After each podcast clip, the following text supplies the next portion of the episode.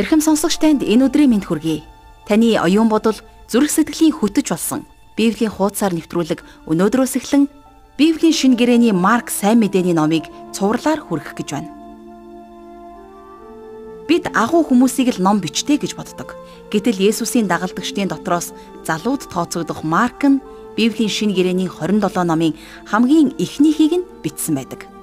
Марк бол Есүсийн анхны шавнарынхаа нэг гэсэн тэрээр Петрийн хамаатан Барнабын үеэл Ерөсөлимда хөрөнгөчнээ эрх мэдэлтэй хүмүүсийн тоонд ордог нэгэн байсан юм. Түүний амьдарч байсан тухайн нийгмийн үед хүмүүс ам дамжсан номлолыг л сонсдог байж. Харин Маркийн сайн мэдээний ном бичигдснээр 1-р зууны итгэгчдэд үргэлж хин нэгнээс номлол сонсох биш. Харин өөрөөсөө дахин дахин уншиж Бурхны үгийг сайтар ойлгож тунгаахт нь том боломж олгосон юм. Тэгэхээр Бурхан бидэнд Маркийн сайн мэдээний номоор дамжуулан хичнээн чухал зүйлсийг зүрх сэтгэлд мань суулгаж өгөхийг үнэндээ таашгүй. Эрдний чулуу шиг гайхамшигтай үгээ Бурхан бидэнд хэлнэ гэдэгт итгэлтэй байна. Тэгэхээр та энэ хичээлийг үзэж байхдаа илүү сайн ойлгож сурахын тулд холбоотой гол мэдээллүүд а бас чухал санаануудыг сайтар тэмдэглээд аваарай. Харин хичээлээ эхлүүлэхээс өмнө хамтдаа бурханд хандаж залбирцгаая. Их эзэн Есүс минь би таньдаа бүх зүйлийн төлөө онцгойлон талархаж байна. Таны үгээр удирдуулж зоригтой амьдрахад минь та туслаарай. Та хэн байхыг минь мэднэ. Харин хэн болохыг хүсдэг нь зөвхөн таны төлөвлөгөө байдаг.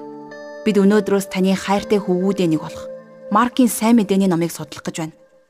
Энэ номыг та бидэнтэй адилхан эгэл жирийн хүнээр бичүүлж үлдээсэн нь үнэхээр гайхамшигтай. Авиас бэлхэн зөвхөн таниас ирдэг бэлэг гэдэгт бид нэр энэ цаг мөчид үнэхээр хүлээн зөвшөөрч байна. Бид бүх зүйлийн төлөө онцгойлон талархаж байна. Үргэлжлүүлэн та хичээлийг эхнээс нь дуусах хүртэл өөрийн ивэл ерөөл дотроо байлгаж өгөөрэй. Бүх зүйлийг танд даатгаж Есүс Христийн нэрээр залбирлаа. Амен.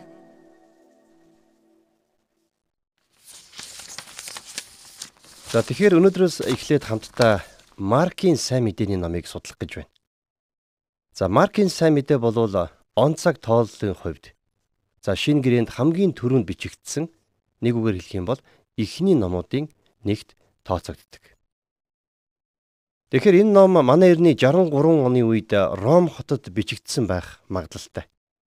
Марк гихч энэ хүн болвол шинэ гэрээний зохиогчдын тоонд зүү ёсоор ордог юм. Марк бол үнэндээ илч байгаагүй. Харин сайн мэдээний бусад номуудыг бичсэн Матай, Иохан нар бол Есүсийн 12 дагалдагчдын нэг байсан. За мөн Лукийн сайн мэдээ гэж байдаг. Тэгэхээр Лукийг бол бид нэр эмч байсан гэдгээр нь сайн мэднэ. За Лук бол Паулийн маш дотны найз байсан. За тэгэхээр өнөөдрийн сайн мэдээний зохиолж болох Маркийн бүтэн нэр бол Йохан Марк. За Йохан гэдэг нь түүний еврейнэр харин Марк болвол түүний латин овг нь байгаа юм. Тэгэхээр Библийн Үйлс номын 12 дугаар бүлгийн 12 дугаар ишлэлдэр Ийхүү ухаарсан тэр Марк гэгдэх Йохны их Мариягийн герт ирэв. Тэнд олуулаа цуглаад залбирч байлаа гэсэн хэсэг гардаг. Энэ нь Симон Петрийг шоронгоос суллагдах яг тэр үеийг хэлж байгаа юм. Үнэн дээр энэ нь бичээсдэх Йохан Маркийн талаарх түүний анхны тайлбар байсан. Тэгэхээр Маркийн ээж Иерусалимийн сүмд нэгэн чинэлэг нэр хүндтэй Христ итгэлд эмэгтэй байсан нь эндээс илт харагдаж байдаг. За мөн цааш нь харах юм бол Йоохны их Мариягийн герт тэд нар цуглардаг байсан. Марк бол Паултай хамт анхны илгээлтийн аялалд явсан тэр хүн. Тэрээр Барнабын үеэл дүүн байсан. Паул бидэнд түүний талаар Колосе номын 4-р бүлгийн 10-р ишлэлд бичсэн байдаг. Тэрээр Симон Петрийн сүнслэг хүү байсан нь ойлгомжтой. Учир нь юу вэ гэхлээр Симон Петр өөрийнхөө загтал болох 1-р Петрийн загтлын 5-р бүлгийн 13-р ишлэлдэр Та нартай хамт сонгогдсон Вавилон дахь чуулган болоод мөн миний хүү Марк та нарт минд дамжуулж байна гэж бичсэн байдаг. Тэгэхээр Маркийн сайн мэдээг итгэгчид удаан хугацаанд Симон Петрийн сайн мэдээ гэж үзсээр ирсэн байна. За энийг нотлох нотлохооч гэсэн бидэнд бэлхнэ байдаг. За энэ тухай бид нар удахгүй илүү дэлгэрэнгүй үзэх болно. За тэгэхээр Йохан Марк анхны илгээлтийн аяллаас өмнө Паул Барнаб нартай нэгдсэн байна. За энэ тухай Үйлс номын 13 дугаар бүлгийн 5 дугаар ишлэлээс харах юм бол Тэд Саламист хурч очоод Юудын синагогудад Бурхны үгийг тунхаглаж эхэлсэн бөгөөд Йохан тэдний хамт байж тусалжээ гэж тэмдэглэн бичсэн байна. Гэхдээ тэрээр Памфилия дахь Перга руу буцсан. За магадгүй тухайн үед Йохан өнөөдөр бидний хилдгээр нялх байсан баг. Тэгэхээр тэрнийг бас Перга руу буцсныг ямар нэгэн байдлаар хамгаалах хэрэгтэй гэж би хувьдаа бодохгүй байна. Ягд гэхлээр тэрэнд зайлшгүй буцах шалтгаан байсан болоод л буцсан баг. А гэхдээ Паул Йоохныг хоёр дахь илгээлтийн ажилд авч явахыг хүсдэггүй. Харин Йохан Маркийн авга ах болох Барнаб нь Паултай хамт явсан. Тэгэхээр энэ Барнаб гэдэг хүн бол үнэхээр агуу хүн байсан юм. Тэр уучлахад үргэлж бэлэн байдаг байсан. Харин Паул бол тийм байгаагүй. Үйлс номын 15 дугаар бүлгийн 37-оос 38 дугаар ишлэлдэр Барнаб Марк гэгдэг Йоохныг өөрсдийнхөө хамт авч явахыг хүсжээ. Памфулд биднийг орхиж ажлын төлөө бидэнтэй хамт яваагүй түүнийг авч явах хэрэггүй гэж Паул зүтгэсээр байлаа гэж бичсэн байна. За тэгэхээр саяны уншсан энэ зүйлийг ингээд бодоход Паул Маркийг алдаа гаргасан гэж бодсон юм шиг надад санагддаг. За саяны уншдаг бүлгийн 39 дугаар ишлэлдэр хурц санал зөрөлдсөний улмаас тэд бие биенээсээ салж Барнаб Маркийг дагуулan Киприйг зорин усан онгоцоор явжээ гэж тэмдэглэн үлдсэн байна. За тэгэхээр саяны бидний уншсны дагуу болвол Марк бичээсийн хуудаснуудаас аль хэдийнэ гараад явсан. За тиймээс л бид нэр Йохан Маркийн үйлчлэлийн талаар маш бага зүйлийг мэддэг юм. Йохан Марк сайн үйлс олныг хийсэн гэдгийг бид нэр бичээсээс сайн мэдэх болсон. За тухайлах юм бол Паул 2 дугаар Тимот номынхон 4 дугаар бүлгийн 11 дугаар ишлэлдэр өөрийн хонгийн дуу бичгтээ. Ганцхан Лук надтай хамт байна. Маркийг өөрийнхөө хамт аваад ирээрээ. Учир нь үйлчлэлд тэр надад хэрэгтэй байна гэж бичсэн байна. За энэний талаар сайн мэдээний тэмдэглэлд өөр хаа нэгтээ бичигдсэн эсхийг асуусан асуулт үргэлжил байдаг.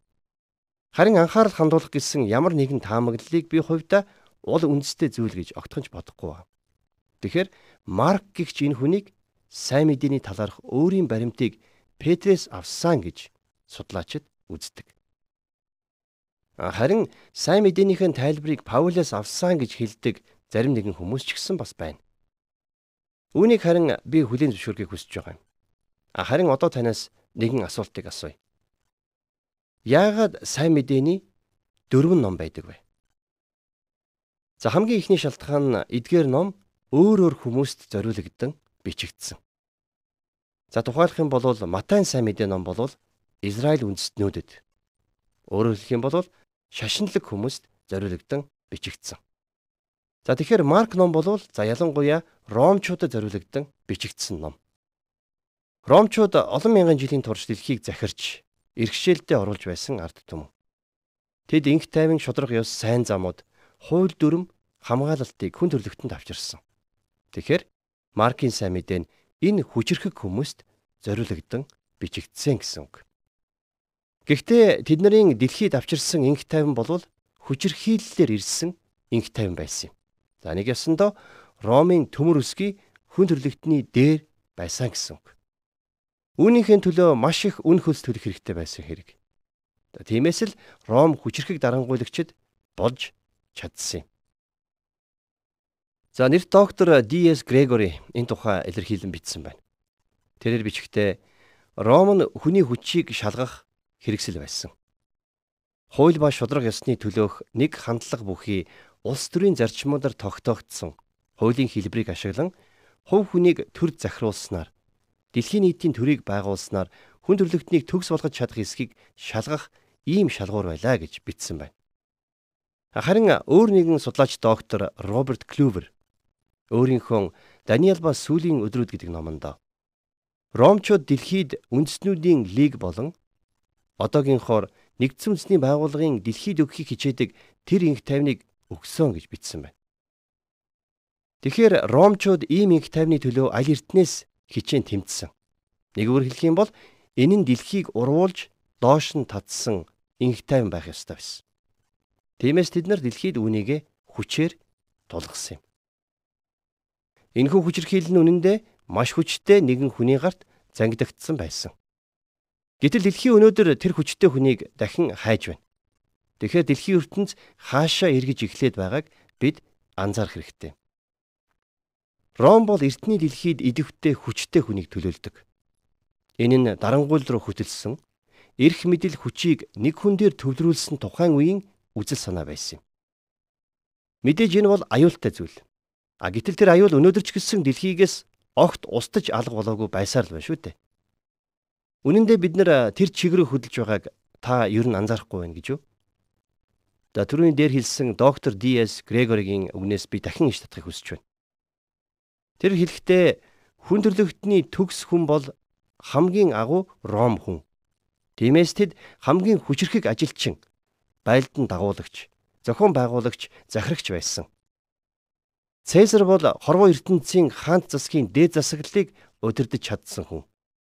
Цэсар бол түүний үзэл нь Ромын хөгжлийн зайлшгүй үр дагавар байлаа гэж энэхүү эрхэм доктор тэмдэглэн бичсэн байна. Тэгэхээр Энэхүү докторийн хэлсэн алдартай ишлэлийг харахад Ром гэсэн үг өөрөө агуу хүчрхэг байдлыг бүрэн дүүрэн илтгэж байгааг бид нар төвөггүй ажиглан харж болно. Тэгвэл Ромын дарангуулын гарт байх тэр жинхэнэ шудраг ёс нь гимт хүний хувьд аимшигтай зүйл байсан. Энэхүү дарангууллыг гүн гүнзгий мэдэрсэн хүмүүсийн хувьд Назарын Есүсийг дэлхийг чөлөөлнө гэж хүлээж байсан юм. Гэтэл өөрийн хамгийн дээд нэгэн аврагч хэмээн хүлээн авахыг Есүс тэдэнд санал болгосон.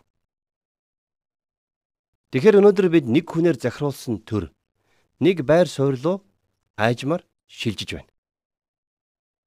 Харамсалтай нь энэ байр суурь бол сатаных байх болно. Тэр гим нүгэлттэй хүмүүсийг захирна. Тэгснэр тэд нар чөлөөлөлтийн төлөө хашгичих болно. Харин эдгээрээс биднийг чөлөөлж чадах цорын ганц нэг нь эзэн Есүс Христэл байх болно. Тэгэхээр Паул Ром хотынд бичсэн загтлынхаа 1-р бүлгийн 16 дугаар ишлэлдэр Би Христийн сайн мэдээнээс ичхгүй. Учир нь энэ бол итгэсэн хүн бүрийг авралт хүргэх Бурхны хүч чадал юмаа гэж бичсэн байдаг. Паулийн хэлсэн тэр хүч чадал бол өршөөл үзүүлж чадах хүч чадал байгаа юм. Тэгэхээр Цэзарийн захирч байсан тэр өдрүүдэд дэлхий өршөөлийн төлөө ангаж цанган хашгичж байсан гэсэн үг. Тэдэнд байсан бүх зүйл бол эрх мэдэл, хүч чадал. Тэр хүчийг хинж эсэргүүцэн зөрхлөхгүй нь ойлгомжтой. Мэдээж энэ бүхнээс зугтах нь огт боломжгүй. Хинж хизээч энэний цаана гарч чадаагүй. Тэгэхээр энэ бол тэдгээр хэсэг хүмүүст илгээсэн Бурхны үг байсан. Харин Йохан Марк бол зохиолч юм. Йохан Марк нь Симон Петрээс хүлээн авсан сайн мэдээний ойлголтыг энд сэрүүлэн өгсөн байна гэсэн үг. Анхны шулганч гисэн энийг үнэн гэж үзснээр Йохан Марк энэхүү байр суурийг авсан юм. Жишээ нь анхны сүм чуулганы эцгүүдийн нэг Папиас Йохан Марк өөрийн сайн мэдээг Симон Петрээс авсан гэж тэмдэглэн үлдээсэн байна. За мөн бас Есибиус гэж хүн хэлэхдээ Петрийн орчуулагч Марк бол түүний дурсан сонсон бүгдийг анхааралтай буулгаж бичсэн хүн.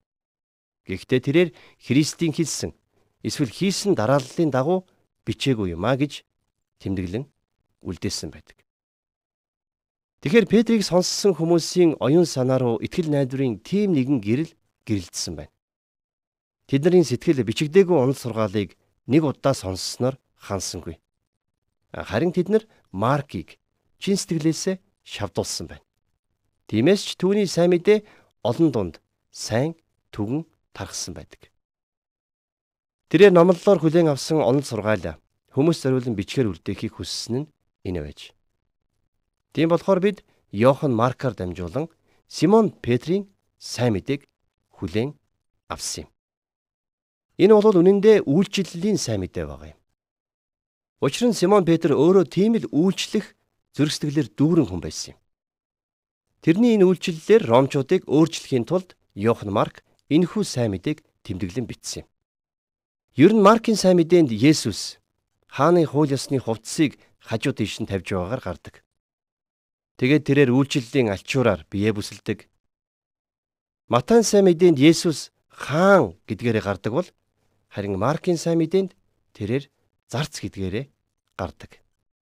Гэхдээ тэр зөвхөн нэг хүний зарц биш. Марк энэ тухайга өөрийнхөө бичсэн сайн мэдээ номын 10 дугаар бүлгийн 45 дугаар ишлэл бичгтээ.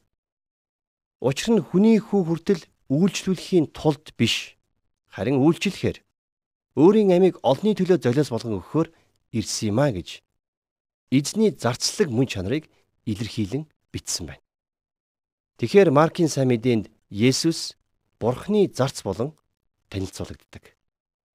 Энэ нь хуучин гэрээ номын Исаи номын 42 дугаар бүлгийн 1-ээс 2 дугаар ишлэлдэр Миний өргөмжилсөн зарц миний сэтгэл таалагддаг миний сонгосон нэгнийг харах тун би түүний дээр өөрийн сүнсийг тавина тэр үндэснүүдэд шудраг ёсыг авчирна тэр хашгирахгүй дууга өндөрлөхгүй бөгөөд Гудамжинд ч дууга сонсохгүй гэж бичсэн байдаг.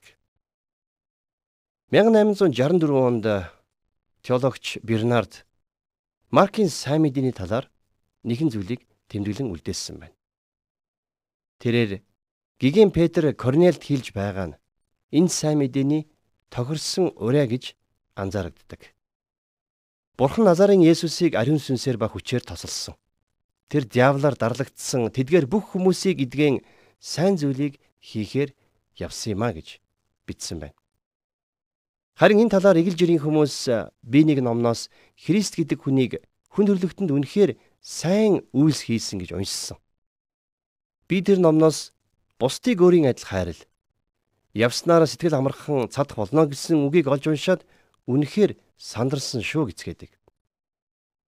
Тэгэхээр өнөөдөр бидний нийгэмд хүмүүс ямар нэгэн эсэргүүцэл, жагсаал, цуглааны талаар маш их уншиж, ярьж, бичцгээж байна. Бид нар улс төрчид номлогч нарын аль аль нэгийг сонсдог. Тэд ч бүгдээрээ сайныг үйлдэх талаар номлож ярьцгаадаг. Гэхдээ тэд нар зүгээр л явж байна. Харин эзэн Есүс хүний мөн чанараар бол хүүхэд шиг өөрийн бурханлаг бүрэн дүүрэн байдал дотор сайн үйлсийг хийхээр энэ дэлхийд ирсэн юм. Энэ бол сайн мэдээний дөнгөж эхлэл юм. Есүс нас барж дахин амилсан.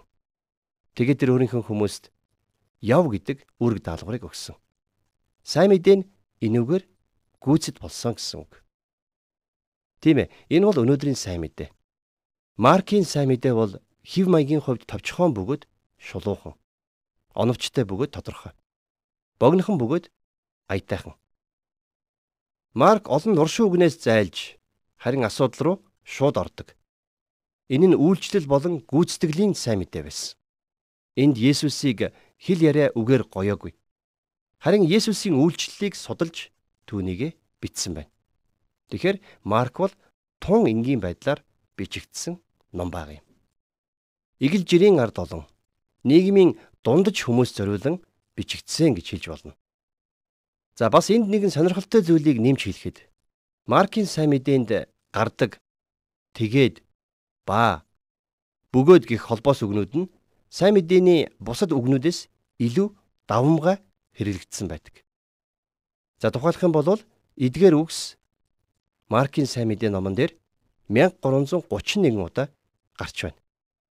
За миний хувьд яг нэг бүрчлэн тоолж байсан удаагүй. Гэхдээ хэрвээ та энэ тоонд хэрэгэлзэж байвал эдгээр холбоос үгнүүдийг тоолоод үзээрэй. За энэ үхэндээ гэж хэлэхэд хэрвээ би их сургуулийн хэлний ангийн оюутан байгаад эдгээр үгсийг ийм олон удаа хэрэгэлсэн бол хилцүүн шалгалтандаа лав унах байлаа.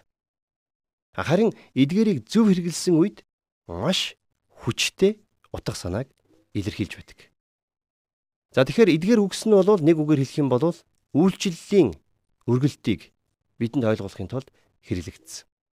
За нэг үгээр хэлэх юм бол альва үйлчлэлийн араас нь дагаж явах гэсэн утга санаа байнга гарч байна. Би хувьдаа олон номлогч илтгэгч нарыг сонсч байсан. Ялангуяа залуу номлогч нарыг ихэвчлэн сонсдог. Тэд ямар нэгэн зүйлийг хэлхийн тулд эдгээр холбоос үгнүүдийг ашигладаг. Номлогчд холбоос үгний араас ямар нэг зүйлийг зайлшгүй хэлэх хэрэгтэй болдог. Тэгэхээр холбоосоор төгсдөг өгүүлбэр гэж байдгүй гэсэн үг. Тэдгээр үгс үргэлж дараагийн үйлдэл рүү сонсогчдыг хөтөлж байдаг. Тэгэхээр Марк яг л ийм аргаар энэхүү сайн мэдээгээ бичсэн юм. Миний хувьд Маркийн сайн мэдээний номыг Ромд за Ромчуудад зориулан бичсэн гэдэгт итгэдэг. Ягд гэвэл тэд нар маш завгүй хүмүүс байсан. Тэдний хүсэл бол үйлчлэл за мөн бас эрх мэдэл. Есүс ч энийг хүссэн. Тэгэхээр Маркийн сайн мэдээ нь хичнээн завгүй хүнд ч гэсэн уншихад туйлын хангалттай товчхон ном баг юм. Энд мэдээж хуучин гэрээний хідэн ишлэлийг иш татсан байна. За мөн еврейн уламжлалыг товчхон тайлбарлсан байна. Тэгэхээр энүүгээрээ энэ номыг гадаад хүмүүс зориулж бичигдсэн гэдгийн нэмэлт нотлохог өгч байдаг. За Матайн сайн мэдээ номын хувьд бол биднийг угийн бичгийн дэлгэрэнгүй ойлголт руу хөтлөн аваачдаг. Яагад гэвэл хаанд удам угсаа байх ёстой байдаг. Харин Марк бол энэ талаар бичээгүй. Учир нь боол хүнд удам угсаа хэрэггүй байна. Харин түүнд зөвхөн лавлгаа хэрэгтэй. Зарцад хийх ажил хэрэгтэй. За тиймээс бид нар энэхүү сайн мэдээнээс зөвхөн үйлчлэлийн тухай маш гүн гүнзгий утга санааг ойлгож авах болно. Энэ бол Есүсийг хүн төрлөختөнд танилцуулсан түүний зарцын бөгөөд үйлчлэлийн үйл хэргийг танилцуулсан арга зам байгаа юм. За эхлэл номыг иш тооцох юм бол Библийн номуудын бусад бүлгээс илүү их агуулга Марк номын эхний бүлэгт багтсан байдаг. За энэ нь Исая, Малах зэрэг иш үзүүлэгчдийн араас орох Иохан Баптистийн үйлчлэлийг хамруулдаг юм. За тодруулж хэлэх юм бол Есүсийн эхний жилийн үйлчлэлээс аваад түүний амралтын өдөр хүртэл завгүй үйлчлэн ажиллаж байгаа тухай энд өгүүлсэн байна. Тийм ээ. Түүний итгэлээр, сэтгэлээр, гараар хүчрэхэг маш олон гайхамшигтай үйлс үлдэгдсэн. Харин эдгээрээс уян өвчтэй хүнийг цэвэршүүлсэн хүчрэхэг нэгэн үйлс миний хувьд үнэхээр гайхамшигтай санагддаг. Тэгэхээр энэ мэд завгүй өдрийн дарамтыг ч үл харгалзан Есүс залбирах цагийг үргэлж гаргадаг байсан. Тэгэхээр иймэрхүү үйлчлэлийн агуулгаар дүүрэн Марк номын энэ бүлэгт Матай номд үнэхээр чухал байдаг угийн бичгийг оруулаагүйгээрээ содон болсон юм. Яагаад гэдгийг би дээд хэсэгт хэлснийг та санаж байгаа бах. Хаанд угийн бичиг байх ёстой. Харин зарцад төрсний гэрчлэгээч биш. Зүгээр л нэг лавлгаа байхад болдог. Түүний үг дээдэст асуулт биш. Харин түүний үйлчлэлүүд чухал юм. Тэгэхээр ийм хүнд хэцүү ажлыг Есүс хийж чадах байсан болов уу гэсэн асуултыг Марк хариулсан. Мэдээж Есүс чадсан. Тэр бол амьд бурхны үйлчлэгч. Тиймээс тэр энд өөрийн гүйцэтгэлээр бичигдсэн байна. За Маркийн сайн мэдээнд Есүсээс гадна Ром, за мөн бусад хөндлөнгийн этгээдүүд, за бас Авраам хүртэл тэмдэглэгдэн бичигдсэн байдаг. Марк номонд Есүсийн угийн бичгийг ердөөч анхаарч авч үзээгүй. За ингээд одоо хамтдаа бүгдээрээ Маркийн бичсэн сайн мэдээ номын 1-р бүлгийг гаргацгаая. За би энд 1-р бүлгийн 1-ээс 3-р ишлэгийг уншийе. Бурхны хүү Есүс Христийн сайн мэдээний эхлэл. Иш үзүүлэгч Исаигийн номонд бичигдэхтэй харах тун Би чиний өмнө замыг чинь бэлдэх илчээ илгэн. Цөлд хашгирагч нэгний дуу эзний замыг бэлтгэх тун. Түүний замыг шулуун болгох тун гин. За энэ бол баптизм хүртээгч Йоохны эсвэл Есүсийн эхлэл биш. Энэ нь эзэн Есүс энэ газар дэлхий дээр ирээд загалмай дээр нас барж дахин амилсан сайн мэдээний эхлэл байгаа юм. Энэ бол сайн мэдээ юм шүү дээ.